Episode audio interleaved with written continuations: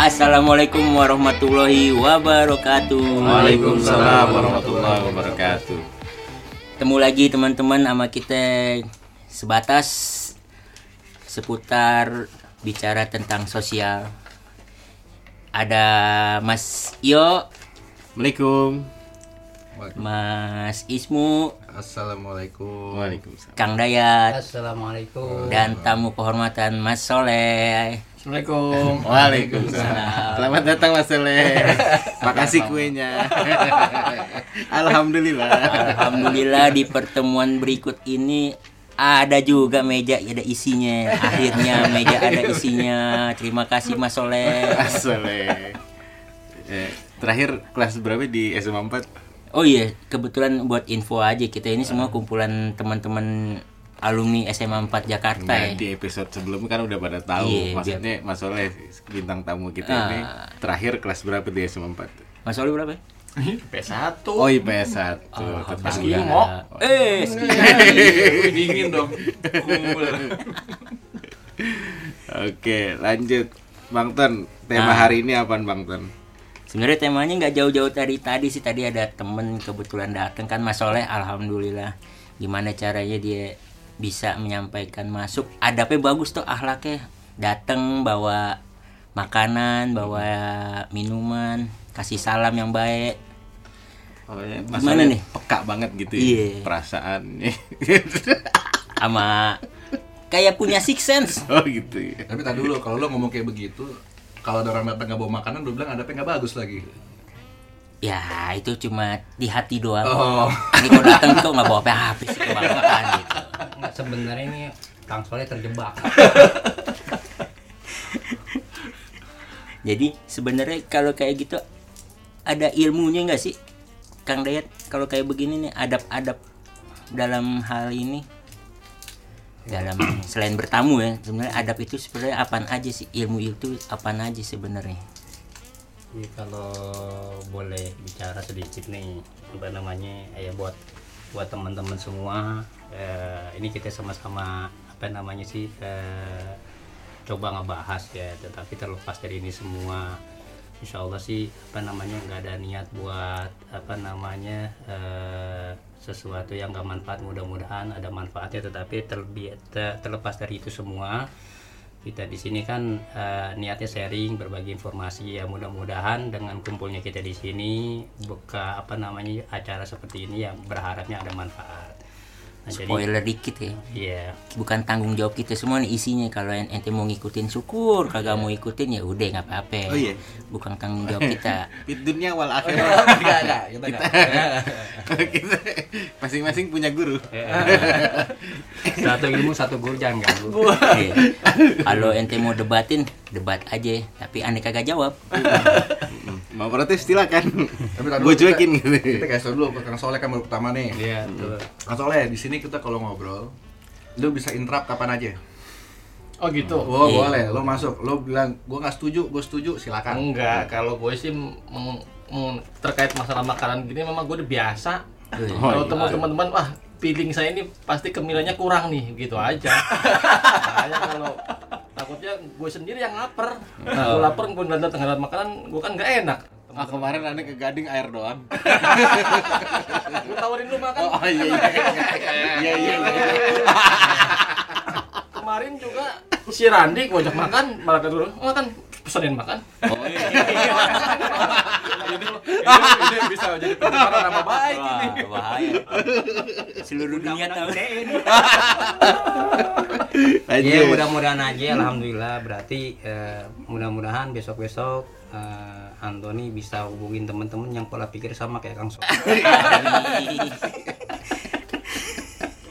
ya penting juga sih kita kalau ngeriung-ngeriung begini ya paling nggak ada manfaat lah. Iya silaturahim Kang cuman Soleh hanya gibahin orang aja kan. Betul betul betul. Jadi balik lagi nih. Jadi ilmu itu adab ilmunya gimana? Ya jadi balik lagi nih yang aneh sempet tahu dan apa namanya eh, didasarin sama kitab fikih. Jadi sebenarnya kalau kita bicara tentang ilmu itu ada syaratnya. Jadi setiap sesuatu itu ada syarat dan ketentuan. Jadi dalam hal nuntut ilmu itu khususnya kita semua biar kita uh, mendapatkan ilmu yang manfaat khususnya buat diri kita pribadi dan buat keluarga dan orang banyak eh, kalau bisa ke arah situ. Jadi sasaran kita sebelum kita eh, nuntut ilmu itu ada tahapan yang harus kita pahamin dulu biar hasilnya maksimal gitu. Nah, ini ada enam syarat yang harus kita lewatin. Yang pertama satu berakal. Jadi dalam ilmu fikih itu setiap orang yang nuntut ilmu itu punya syarat yang pertama adalah berakal.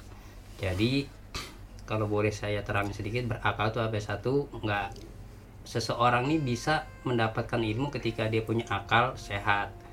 Nah, ketika orang itu punya keterbelakangan mental atau gangguan jiwa itu Berarti OGDJ nggak bisa dong OGDJ. nggak bisa. ODJG. Apa itu namanya? Sa? orang Habis gua ngomong orang gila takut salah ntar. Orang dalam gangguan jiwa ODGJ. Oh. Nah, Jadi kalau syarat yang satu ini nggak dimilikin sama seseorang yang niatnya nuntut ilmu, kayaknya kalau menurut ilmu fikih ini nggak bakal bisa tercapai. Karena ada kesulitan untuk memahami sebuah ilmu baik yang dia terima ataupun yang disampaikan oleh seorang guru. Tuh, jadi syarat yang pertama adalah yang berilmu. Nah, tar dulu Kang, kan tadi kan apa ya, OG OG OG ODGJ. Oh, OGDG. ODGJ. Iya, ODGJ. Itu mungkin kejauhan itu karena udah clear bahwa ini ada gangguan jiwa. Kalau orang-orang yang belum bisa memisahkan antara yang benar dan yang salah.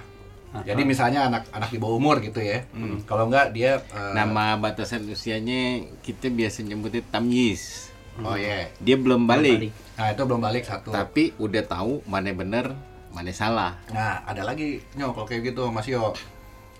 Ada yang masih belum ada umurnya, tadi kan belum balik. Ada orang udah balik, tetapi juga dia kagak bisa ngebedain mana bener mana salah. Orang mabok itu. Mabuk mah. tuh. Mabok lah, itu kan ada kan. Ada lagi juga kayak gini loh. Gua itu dulu sampai kuliah, gue itu masih nggak paham mengenai konsep tanggung jawab. Tuh orang kagak mau belajar. Gue tuh ngumpul Kenapa ya, Iya tuh, maksud gue ada lagi yang karena ada banyak sekarang orang mereka punya pikiran sendiri-sendiri dan mereka tuh kayak baca Quran mau maunya dia gitu loh. Oh. Dia ngambil ayat pokoknya yang cocok sama dia. Udah gitu yang yang salah diputer-puter, yang benar diputer-puter gitu. Nah, itu kayak gitu gimana, Kang? Karena gue juga sempat baca ayatnya. Hai orang yang beriman, jika engkau bertemu dengan orang-orang yang belum bisa membedakan benar dan salah, berikanlah pakaian dan makanan dan berkata-kata dengan baik. Itu kalau nggak salah gue ketemu di Anissa kalau gue nggak salah tuh. Jadi gini kalau boleh nanggepin gitu ya. Hmm. Jadi gimana kalau misalkan saya coba bacain dulu enam syarat ini. Oh, siap, Nah, siap, siap. Jadi Nah, nanti enam syarat mazhab siapa? ya? jangan, jangan, jangan. Menurut kitab yang mana? Biar akur dulu kita. ini mazhab kita bersama. Yang penting kan empat mazhab nyangkol lah. Jadi Eh, mazhab dulu yang kelima gimana? yang kita pakai insya Allah Imam Syafi'i. Nah, Eh, sepakat. sebatas Imam Syafi'i mazhabnya nih.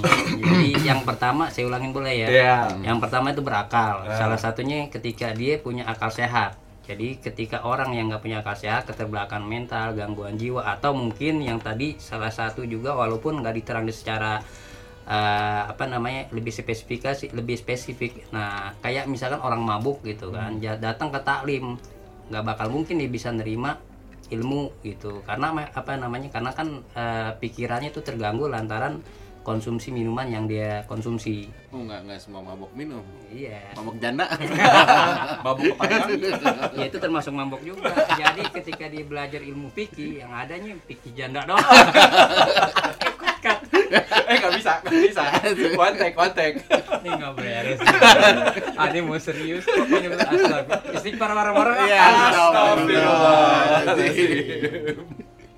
Lanjut. Berakal yang pertama. Yang, yang pertama berakal, yang kedua bersungguh-sungguh. Jadi nggak ada dalam istilah nuntut ilmu tuh hari ini belajar, hari ini ngerti. Gitu.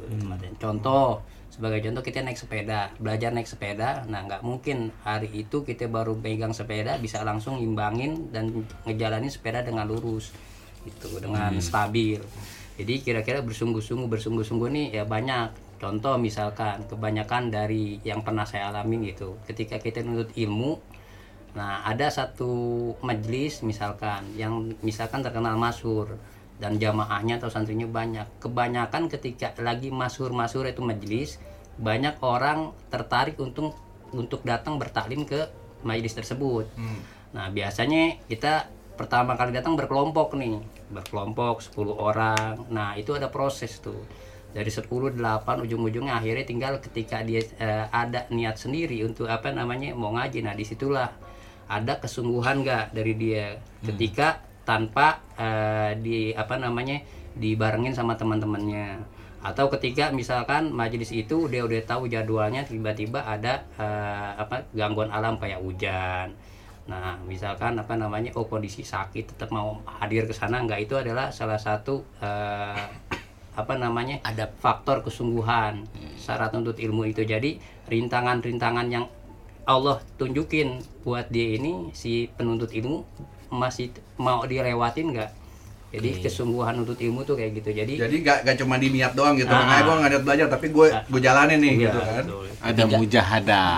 ketiganya apa ya kalau ketiga Ah. yang ketiga eh, yang pertama eh, jadi ini kita udah sebutin dua ya yang satu berakal yang kedua bersungguh-sungguh yang ketiga sabar jadi dalam hal untuk ilmu itu kita wajib bersabar karena contoh dalam satu majelis kita datang majelis ini datang ke majelis misalkan berdua sama temen nah ketika mungkin yang dibahas itu tentang apa namanya eh, pembahasan kita ngaji ngaji Al-Quran Nah, di situ ada pengenalan makhorijul huruf, eh, pemba- apa yang namanya cara nyambung baca Quran gitu. Nah, tetapi kita datang bareng, hadir sama, gitu. tetapi teman kita ini bisa lebih dulu, lebih lancar bacaannya, lebih fase pengucapan makhorijul hurufnya. Nah, di situ apa? Berarti dia ada keturunan Arab tuh ya. Oh, bisa jadi. Bisa jadi. Hutan dulu, rahmannya nih. Ya. jadi apa namanya eh, sabar itu di situ jadi nanti eh, ada pembahasan yang lebih lanjut jadi dengan eh, kesabaran itu diuji apakah dengan rasa sabar yang apa namanya yang dengan bermodalkan sabar itu insya Allah ilmu yang manfaat bakal hadir. Buahnya akan dipetik nanti. Betul panen. Jadi kalau kita nuntut ilmu nggak sabar nah tiba-tiba bisa jadi eh, ada eh, kita mau taklim. Waktunya biasanya udah paten nih jam segini. Misalkan pada isya setiap hari. Tetapi misalkan ketika kita udah hadir lebih awal karena takjim seba- sebagai penuntut ilmu terhadap guru ini gurunya nggak hadir-hadir nih. Hmm. gitu. Nah akhirnya kalau kita nggak sabar tiba-tiba sehari dua hari tiga hari akhirnya eh, berpengaruh sama keinginan kita untuk nuntut ilmu datang ke majelis tersebut. Oke.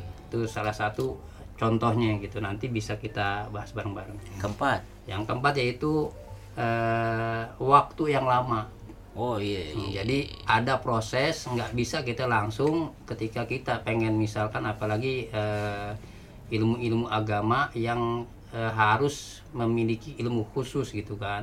Misalkan kayak tafsir, eh, kayak apa namanya ilmu alat gitu. Di ilmu alat nih misalkan kita eh, ngebahas tentang kitab gitu. Kayak Al-Qur'an kan ada asbabul nuzul, hadis as- asbabul huruj. Nah, itu kan kita harus butuh pemahaman dan nggak bisa memahami dengan sendirinya. Dengan cepat. Ah, ah, dengan cepat gitu. Atau atau juga bisa misalkan bagi apa namanya para hafiz hafizah.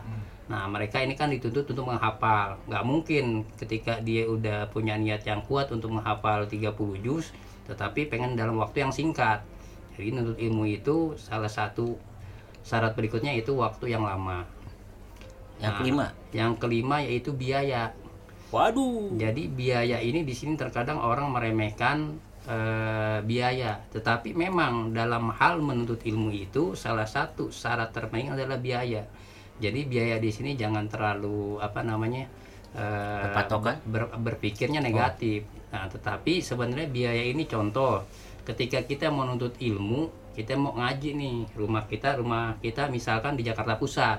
Tiba-tiba ada Ngaji di- pengajian di yang Bogor. Ah, ah, yang ketika kita pas banget nih kita lagi butuh ilmu eh, tajwid. Nah, di sekitar Jakarta nggak ada ada di Bogor. Nah otomatis untuk berangkat dari Jakarta ke Bogor kan perlu biaya. Itu satu. Yang kedua misalkan perlu apa sarana untuk belajarnya nih. Misalkan kayak kitab bukunya. Kan nggak mungkin ketika kita belajar cuman ngedengerin ngaji kuping ya memang ada manfaatnya juga. Tetapi terkadang kan ketika kita orang awam apalagi banyak dosa terkadang kan ingatan kita nggak sebagus ingatan orang-orang terdahulu gitu. Nah, Keenam. Ntar dulu, jadi contoh masih biaya, masih biaya. Ya nih. ya, Nah, biaya tuh panjang. biaya juga harus dipahami. Karena terkadang dia jadi hewan yang hidup di dua alam. bener bener Itu buaya. Buaya. di, di sini pun eh, ada pen- saya pengen menekankan nih biaya di sini terkadang orang melalaikan hak dan kewajiban. Nah, biaya ini kenapa saya bilang hak dan kewajiban? Banyak orang tuh selalu membandingkan ketika kita menuntut ilmu dalam dua aspek nih. Satu ilmu formal lah, ilmu Formal, dunia, yang kedua ilmu agama. Nah, terkadang orang lebih keberatan ketika dalam hal menuntut ilmu agama dibebankan biaya. Misalkan taruhlah misalkan kalau di masih banyak sampai sekarang nih di perkampungan mereka memang nggak eh, seorang ustadz yang ngajar ilmu agama biasanya dia nggak terlalu ngebebanin paling dia eh, syaratnya tuh misalkan eh, oh, anak-anak ini mau berpartisipasi untuk biaya listrik gitu kan. Oh biaya apa namanya kapur atau spidol atau alat tulis lainnya gitu kan. Nah itu pun sebenarnya nggak seberapa besar dibandingin sama pendidikan formal yang selama ini kita oh jutaan bahkan udah udah apa namanya sebelum masuk aja itu udah di dijelasin di awal. Nah terkadang kita juga ketika itu oke kita sanggup dengan biaya tersebut tetapi nggak mikirin juga oh yang penting udah bayar listrik 10.000 ribu oh udah bayar kapur gitu. Nah terkadang kita mengenyam- mengenyampingkan nih seorang guru ini. Padahal orang guru ini iya kalau memang Berkecukupan. eh, berkecukup berkecukupan atau punya income dari kegiatan yang lain gitu. Padahal kan dalam hari dalam hal ini memang terkadang nih manusia khususnya ketika kita bicara tentang agama ya ilmu ilmu agama nggak bisa dijual belikan nah, tetapi ya nanti ujung-ujungnya kita di sinilah apa namanya gimana kita mm, bisa apa namanya men- apa menempatkan satu adab terhadap satu masalah. Oh, jadi ibaratnya logika dasarnya adalah ini ada guru mikirin lu ya, ada guru mikirin lu waktu belajar. Udah gitu waktu lu udah pulang dia juga mikirin nih, nih anak nanti ke depannya mesti belajar bagian ini, bagian ini kan jadi kan ada waktu yang ter- bukan terbuang sih terpakai untuk mikirin lu gitu kan. Ibaratnya lo kalau kita mikir kapitalisnya ya lu gantiin lah tuh waktunya dia gitu kan Iya, kurang lebih. minimal karena kan waktu dia mikirin lu dia nggak bisa nyari yang lain kan Iya. gitu biar fokus gitu kan Iya kan Iya, jadi iya. ah, jadi terkadang tetapi jujur sebenarnya dalam dalam apa namanya eh, kajian tertentu nih dalam apa namanya ilmu tertentu memang disarankan juga sebenarnya kepada seorang eh, pengajar tuh eh, sebaiknya juga memang jadi ada ada ada jadi ada hak tanggung jawab nih. Hmm. jadi seorang pengajar juga kalau memang dia nggak mau hatinya kurang ikhlas nah, makanya kan diwajibin. Jadi sebisa apa pun ketika dia menyalurkan ilmu ada apa namanya eh, disarankan untuk punya penghasilan sendiri. Jadi nggak berharap seolah-olah dia jual itu. Tetapi di sisi lain nih seorang penuntut ilmu pun punya kewajiban ke arah situ. Jadi tinggal intinya apa ijab kabulnya sama-sama saling ngerti. Oh, Oke. gitu.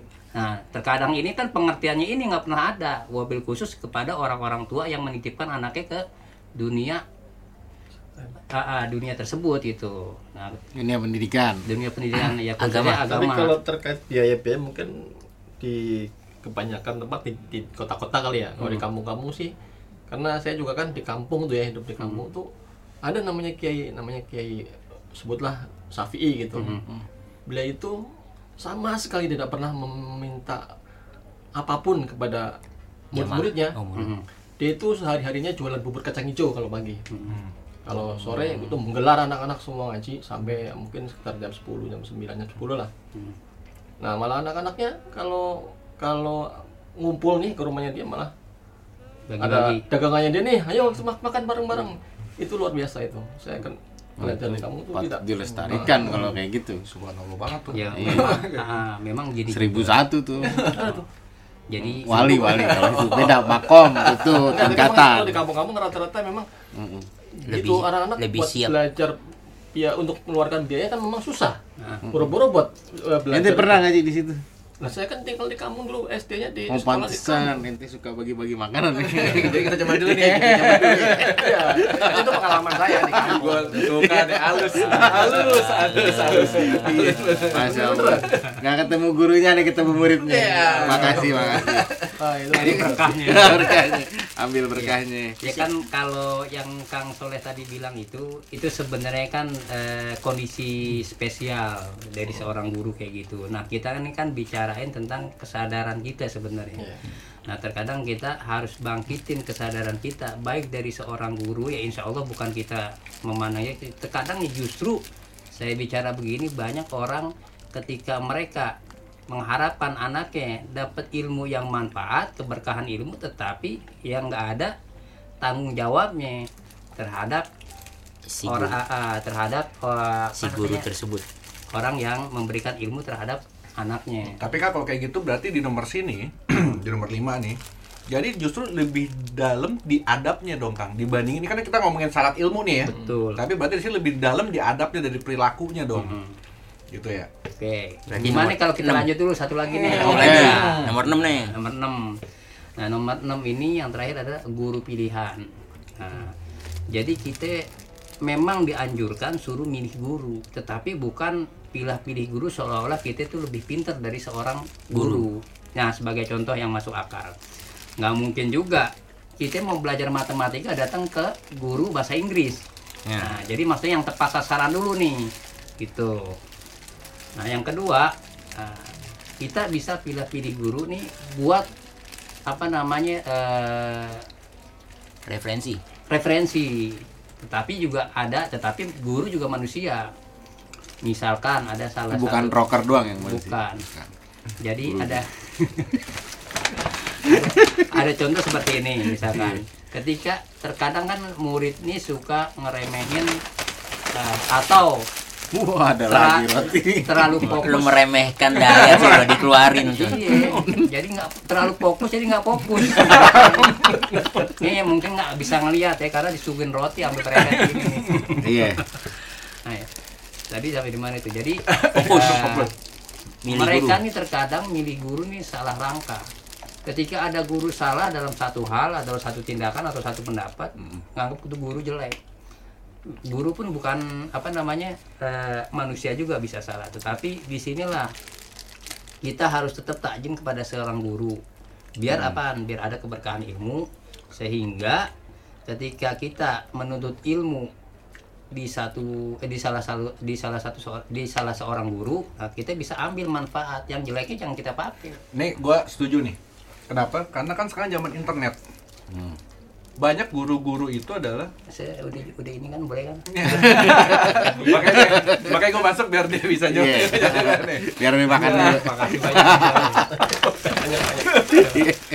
Ini jadi sering kejadian yang sekarang tuh ya kayak di sekolah SD anak gue deh contohnya deh anak gue memang dari kecil udah terbiasa terekspos dengan bahasa Inggris.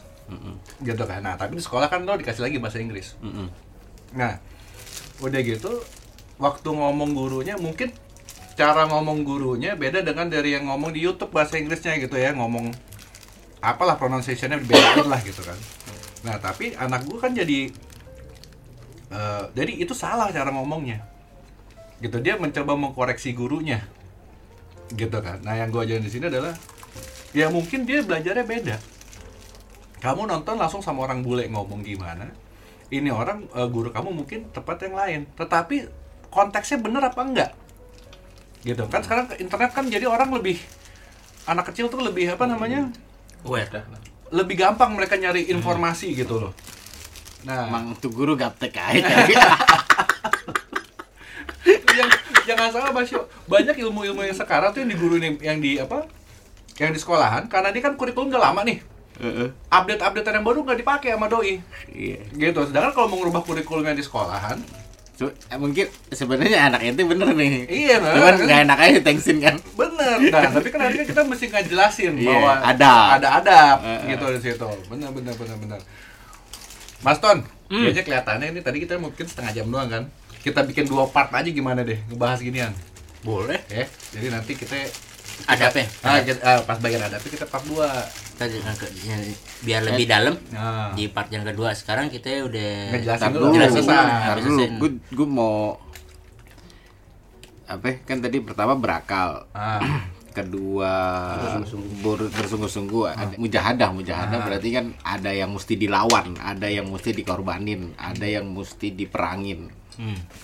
Eh, bu- bukan berdarah ya maksudnya hawa Wih, nafsu ya. Kan mujahadah, mujahadah. Ada coba ada ujiannya. Iya, jangan ngomong-ngomong jihad ntar di radikal radikalin nggak nggak maksudnya mujahadah bersungguh-sungguh ngelawan hawa nafsu males-malesan habis itu ada sabar sabar berarti sabar lebih ke pendapatan diri kalau kita kadarnya IQ-nya misalnya segini ya tetap ngaji gitu bukannya malah berhenti ngaji nah itu eh, mungkin lebih ke situ kaitannya sabar ya. Sabar lebih ke istiqomah kan. Maksudnya tetap ngaji meskipun temen yang lain udah pada khotbah kita masih begini gini tetap ngaji nggak mundur ya. Malah Nah, diajiin. Jangan jangan sampai jangan sampai di ngajiin dulu. Entar dulu. terus ya ada waktu yang lama karena memang yang namanya Nuntut ilmu. nuntut ilmu nggak gampang ada waktunya. Itu dia jangka waktu yang lama Kalau gue lihat sih biaya segala aspek Mas Yo. iya Dari kita juga ada pengorbanan pengorbanan Iya, finansial. Udah gitu juga kita mesti paham tentang eh, guru kita nih gimana sih biar dia bisa ngajar dengan baik kan kita juga mesti ada apa ya sensitivitas lah. Jadi kita sensitif. Oh ini guru gue mungkin di rumahnya lagi kurang apa gitu supaya dia juga bisa fokus ngajar gitu loh. iya lebih ke arah psikologisnya Hmm, oke. Kalau kita kasih hadiah ke orang lama-lama kita ada ikatan emosional Oh, oke. Bukan begitu masalah maksudnya gimana Nah, kita kita sering main nih ada dikasih roti ada jadi sayang main tuh gitu Oh, Gitu. belum saya mau ya. Enggak. Oh gitu. Iya jadi Oh. dengan kita mengikat diri kita dengan hadiah kita ada ada kelebihan terus kita bagi ke orang lain. Nah orang itu nanti ada ikatan emosional timbul dari dia. Jadi banyak ilmu-ilmu yang mungkin di majelis nggak keluar tapi karena dia dekat sama kita bisa keluar tuh. Bisa Iya. jadi bizarro Nah, bizarro. bisa kan? Ya, Bebas lah sebatas itu, sebatas Sebatas itu. lah sebatas. Iya. Hadiah ini kan gunanya buat ngejalin hubungan yang harmonis, silaturahim yang kuat sama guru kita. Di samping biaya-biaya buat perlengkapan. perlengkapan segala macam. Terus ya guru pilihan berarti eh, Islam tetap ngebuka hak prerogatif kita seluas-luasnya buat memilih guru kan. Jadi nggak ada. Sampai juga. Baru ketemu ya. Ber- berarti nggak ada seorang yang boleh maksain kehendak. Guru nggak boleh maksain nih. Lu- mesti belajar sama gua aja ya? ah, ah, nggak ini pendapat gue loh. Iya. Pendengar, gue bisa berenang tapi gue bisa jangan ditiru. Nggak tapi bener ini pertanyaan sederhana. Ah. Kalau ada orang yang ngaku-ngaku guru tapi maksa-maksa ngancem-ngancem lo kalau bukan gara-gara gue lo gini gini gini. Nah udah tinggal aja berarti bener gitu boleh nggak? Kita udah nggak jadi guru pilihan lagi bener? Ya termasuk ya ya kalau bahasannya ke situ apa namanya tetap kita sebagai karena antara guru sama murid itu nggak ada istilah mantan murid atau mantan guru. Ikatannya secara batinnya tetap ada jadi terlepas dari dia bersikap seperti itu terhadap kita yaitu menunjukkan adalah dia bukan termasuk guru pilihan. Ya kan? Nah, karakteristiknya itu udah ketahuan tuh. Nah tetapi kita sebagai anak murid sama seperti kita sebagai anak kandung nggak bisa kita menghilangkan jasa dia. Kayak kita oh bukan anak orang tua kita nggak bisa sampai meninggal pun tetap jadi ketika udah pernah ada yang disampaikan terhadap kita dan kita pernah nerima ilmunya sampai yaumil akhir tetap dia guru kita. Nah kewajiban kita itu ada dua ya. Takjim hormat kudu taat belum tentu itu jadi takjim kudu sampai mati. Tapi kalau takjim lihat ketika dia masih memang masih bisa ditaatin ya kita ikutin tapi kalau udah enggak jangan. Jadi patokannya dua. Ketika kita takjim takjim sampai kapan pun. Itu menunjukkan bahwa kita insya Allah sebagai uh, pribadi Hormat, yang punya gitu. akhlak. Gitu. Tetap Tapi kalau taat ya ketika dia enggak nih ya udah. balik lagi ke nomor satu berakal. Ah, makanya Allah kasih akal buat kita menentukan bahwa itu ajaran dia baik atau ajaran dia kurang baik. Iya. bukan tidak baik ya kurang baik. Hmm, jadi ya itu apa apa yang membeda dua. Terkadang orang susah eh, berkecimpungnya di sini dia nggak bisa nentuin apakah kita harus tetap yang tajim tetap kita tajim sama siapa pun. Bahkan bukan seorang guru orang yang pernah memberi ke kita nih takjim. Jadi jangan pernah ngelupain jasa seseorang. Tapi kalau misalkan Nah, ini nih, tajam dengan roti nih. Bahaya. tapi ketika apa namanya ketika buat taat nah taatnya kita kan punya akal. Bertentangan syariat nggak nih? Bertentangan dengan akhlak nggak nih? Bertentangan dengan apa namanya ajaran yang baik nggak nih? Kan gitu. Intinya kayak gitu aja. Nah, ya udah kalau gitu kan kita masuk ke berikutnya nih, akhlak. Kita bahas di recording keduanya ya. iya nah, kita bahas lagi berikutnya untuk sementara ini. bahasan tentang adab kita udahin dulu aja ya. Ilmu biar apa ya ada ada ilmu eh ad- bahasan tentang adab ilmu ini eh tentang ilmu ini ntar aja kita selesaikan dulu tentang adab ilmunya kita lanjutin nanti yang lebih dalam lagi nih di sesi yang kedua part 2 Tapi ini mesti masih Kita- mesti panjang loh mesti ini pembahasan. Iya, Mesti sekarang kita nikmatin yang ada dulu. temu, art- artinya ada hasil dari yang enam tadi itu. Karena saya pengalaman ya, saya selama hidup ini punya tiga guru. Hmm. Nah, Nah, pertama yang saya cerita tadi Pak Ustad eh, namanya Haji Syafi'i di kampung itu. Dia tidak pernah sama sekali minta sesuatu kepada anak muridnya. Dan muridnya itu sangat sangat banyak. Ah. Dan banyak juga yang sukses. Alhamdulillah saya juga pernah jadi eh, muridnya. Eh, beliau udah nggak ada, udah meninggal. naik haji gak dia dia naik haji Naik nggak? haji. tukang bubur naik haji Naik berarti haji, dia tahu nggak dari mana? Dia punya tanah eh, karena dia se- sendiri, dia punya istri, nggak punya anak, istrinya meninggal.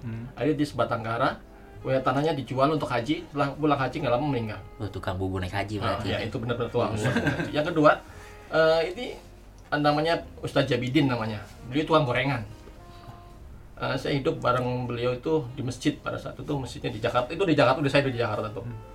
Eh, hidup masjid beliau tuh juga mengajarkan ilmu dengan ikhlas. Makanya saya punya tiga guru ini dua ini tanpa biaya, alhamdulillah nyerap. Nah sekarang ini kan era- era-era mungkin sekarang ini Ustadz harus bayar maksudnya begitu kan. Iya. Saya ngerasakan juga. Saya coba saya sambil ini kadang-kadang suka memang ada saya setiap bulannya saya kasih lah kepada uh, beliau. Tapi kok susah ya saya nyerap ilmu-ilmu itu tuh. Kayak mungkin apa mungkin gurunya juga memberikan secara ikhlas atau mungkin bagaimana. hmm. Gitu. kayaknya sih Ah. ilmunya ente udah tinggi. Lebih tinggi dari itu orang. Jadi itu- ente ini sedap. Ini pengalaman saya sendiri. Ini pengalaman. saya akhirnya ah, kok atau usia udah Ah, tua mungkin iya. beban pikiran udah banyak nih betul, mungkin itu juga. Ya artinya kalau terkait biaya, yang guru itu kalau memang benar-benar dia ikhlas memberikan ilmu, dia senang. Kalau dia ilmunya diberikan kepada anak muridnya, anak muridnya pinter, dia senang. Tidak perlu dengan dibayar kita pin, eh, pinter aja, dia senang. Katanya eh, bahagia, senang kalau saya bisa memberikan ilmunya itu. Karena dia sehari-harinya dia hanya kalau misalnya tukang bubur ya jualan bubur, kalau tukang gorengan sehari ya tukang gorengan gitu. Ini ya pengalaman Kang Soleh ini ya, gue bilang sangat berharga di zaman sekarang justru era ini. Kenapa? Di saat orang itu melihat orang lain dengan kesuksesan materinya, gitu loh. Coba kalau kita dengerin dari tadi, satu tukang bubur kacang hijau, yang satu tukang gorengan, Tukang gorengan. ya kan? Ibaratnya kalau lu mau nyari ilmu, tukang gorengan aja kalau mau nanya-nanya tuh biasanya ilmunya bisa lebih bagus gitu loh. Hmm. Yang sekarang kan orang kan maunya kan, kita dulu nih orang di tukang gorengan aja kertasnya ada rahasia negara Oh, iya. dibungkusnya. iya Itu ijazah kalau ijazah yang- kalau yang tukang gorengan itu di Jakarta musolanya ada di belakang Roxy Mas itu Hmm. gue juga pernah tinggal di situ lah kalau di, di masjid tinggal di masjid juga Hmm. ngimamin di masjid pagi-pagi sudah saya diajarkan bagaimana pagi-pagi harus bangun harus mandi dengan beliau itu. Pagi-pagi itu mandi lah air dingin gitu. Hmm.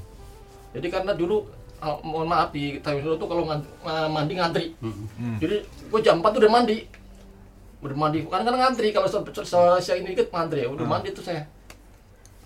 Itu itu benar-benar pokoknya inilah artinya guru yang memang sampai sekarang masih terasa di udah nggak ada dua-duanya udah meninggal.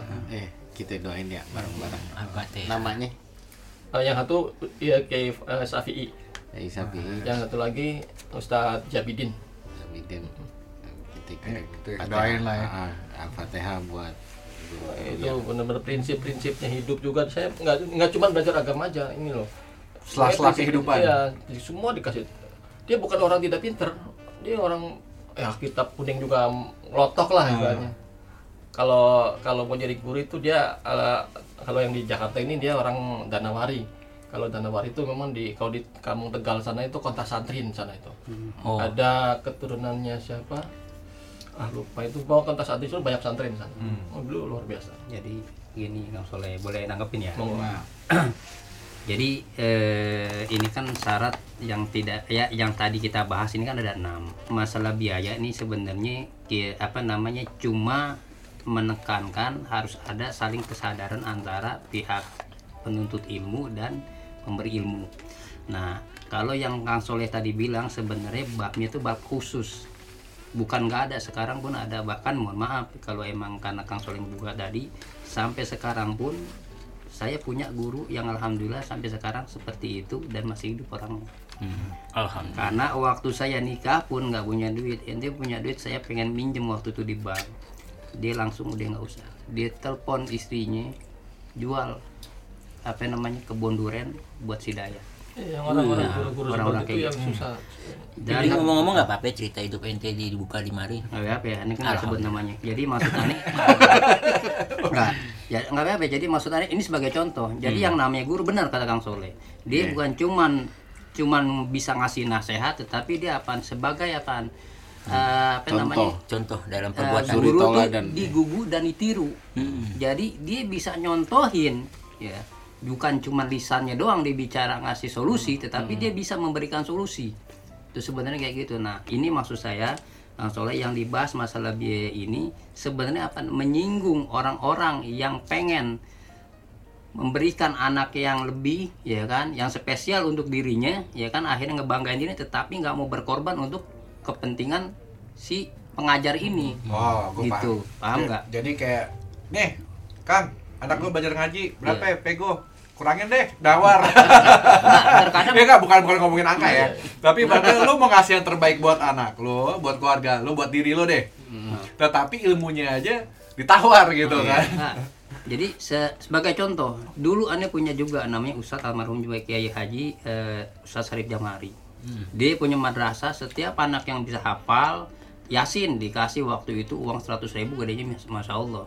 Dia hafal Yasin tampil bisa pidato dikasih itu. Padahal Oh, Ustadz kayak sendiri nggak ada. masih pas- kamu masih begitu kan Ah, sekarang juga masih banyak, cuman orang-orang begini nih nggak ditampilin. iya betul Nah makanya sekarang mohon maaf ya lagi apa namanya lagi heboh nih masalah ustadz debat sama apa namanya yang undang nih adalah nggak usah kita sebutin harusnya dia malu kayak gitu. Kenapa dia nggak tabayun klarifikasi? Islah ketimbang harus urusan polisi segala macam dari gitu aja kan udah kurang. Dia nggak bisa nyontohin gitu. Dia ngasih harusnya kan ngasih dia oke seharusnya seorang ustadz yang kalau menurut Ani dia bener aja berani ngaku salah. Untuk apaan? Untuk kedamaian bersama. Nah, Islam itu. ya, itu nilai Islam tuh. nah jadi maksudnya apaan yang tadi Oh, sebut yang lagi itu yang nggak jadi datang ya. Eh, udah, udah ya. dong. Nah, sedikit lagi itu nih, off kan- aja. jadi eh. Kiai Haji apa namanya Kiai Haji Sarif Jamari guru saya almarhum jadi kalau beliau nih ketika murid ada madrasah namanya Nurul Falah sekarang udah dipindahin nama anaknya dilanjutin daerah eh, apa namanya Kampung Kosong Kebonanas sono Cikokol Oh si Kokol. Nah, jadi ketika ada orang mau nitipin anaknya ke madrasah tersebut di, di Tenabang dulu ada satu madrasah nih namanya Nurul Falah. Hebatnya orang dulu antara anak pertama sama anak terakhir terkadang bedanya jauh usianya. Nah, Ya kan? Iya. Nah, datang karena ngerasa abangnya lebih tua nih, usianya jauh, nganterin anaknya. Ustadz, nitip ya adik saya gini. Nah, jadi disuruh pulang diomelin. Kalau emang masih punya bapak, suruh datang bapaknya atau ibunya. Kecuali dia udah nggak ada omnya atau abangnya silakan. Jadi jangan takut nih anak takut saya suruh bayaran. Jadi saya cuman pengen ada ijob kobul antara murid orang tua terhadap saya. Ikhlas gak anaknya kalau saya didik saya cubit? Ikhlas gak anaknya kalau misalkan nakal saya pukul? Hmm. Nah, jadi intinya apa? Nah, ini bab khusus yang tadi Kang Soleh bahas. Gitu. Jadi memang ada orang-orang tertentu yang seperti itu, tetapi memang juga guru saya bilang kalau seandainya kita dikasih kemuliaan jadi seorang guru seorang dosen atau seorang apalah yang bisa memberikan Ilmu. apa namanya ilmu kalau bisa tetap punya penghasilan sendiri sehingga hati ini enggak apa namanya. Ngeberatin. nggak ngeberatin atau berharap dari orang-orang yang ngasih ke dia sehingga apa sehingga apaan ilmu yang dia sampaikan akhirnya dibalasnya dengan manusia itu sendiri bukan sama Allah. Sesuatu yang disampaikan dengan Ah. hati akan sampai ke hati. Nah, kurang lebih ke situ. Ya, orang begitu saya setuju sama pendapat Kang Sol masih ada di kampung kamu orang kayak gitu. Cuman cuman ini biaya di sini ngasih pengertian biar ya masa iya sih mau istilahnya gini. Contohnya kayak gini saya minjem motor sama Antoni Nah. udah dikasih motornya jalan jauh udah minjemnya dikasih gratis bensinnya nggak diisiin kira-kira gimana ya? minta duit logikanya bensin gitu. lagi loh kurang lebih kayak gitu aja Iya. bener pembahasan kayak gitu ya balik lagi ke moderator Bang Anton Saya rasa cukup ya untuk saat ini bahasan tentang ilmu Syarat-syarat ilmunya. syarat-syarat ilmu untuk yang selanjutnya lebih dalam tungguin selanjutnya kawan-kawan wabillahi taufik wal hidayah wassalamualaikum warahmatullahi wabarakatuh Waalaikumsalam warahmatullahi wabarakatuh.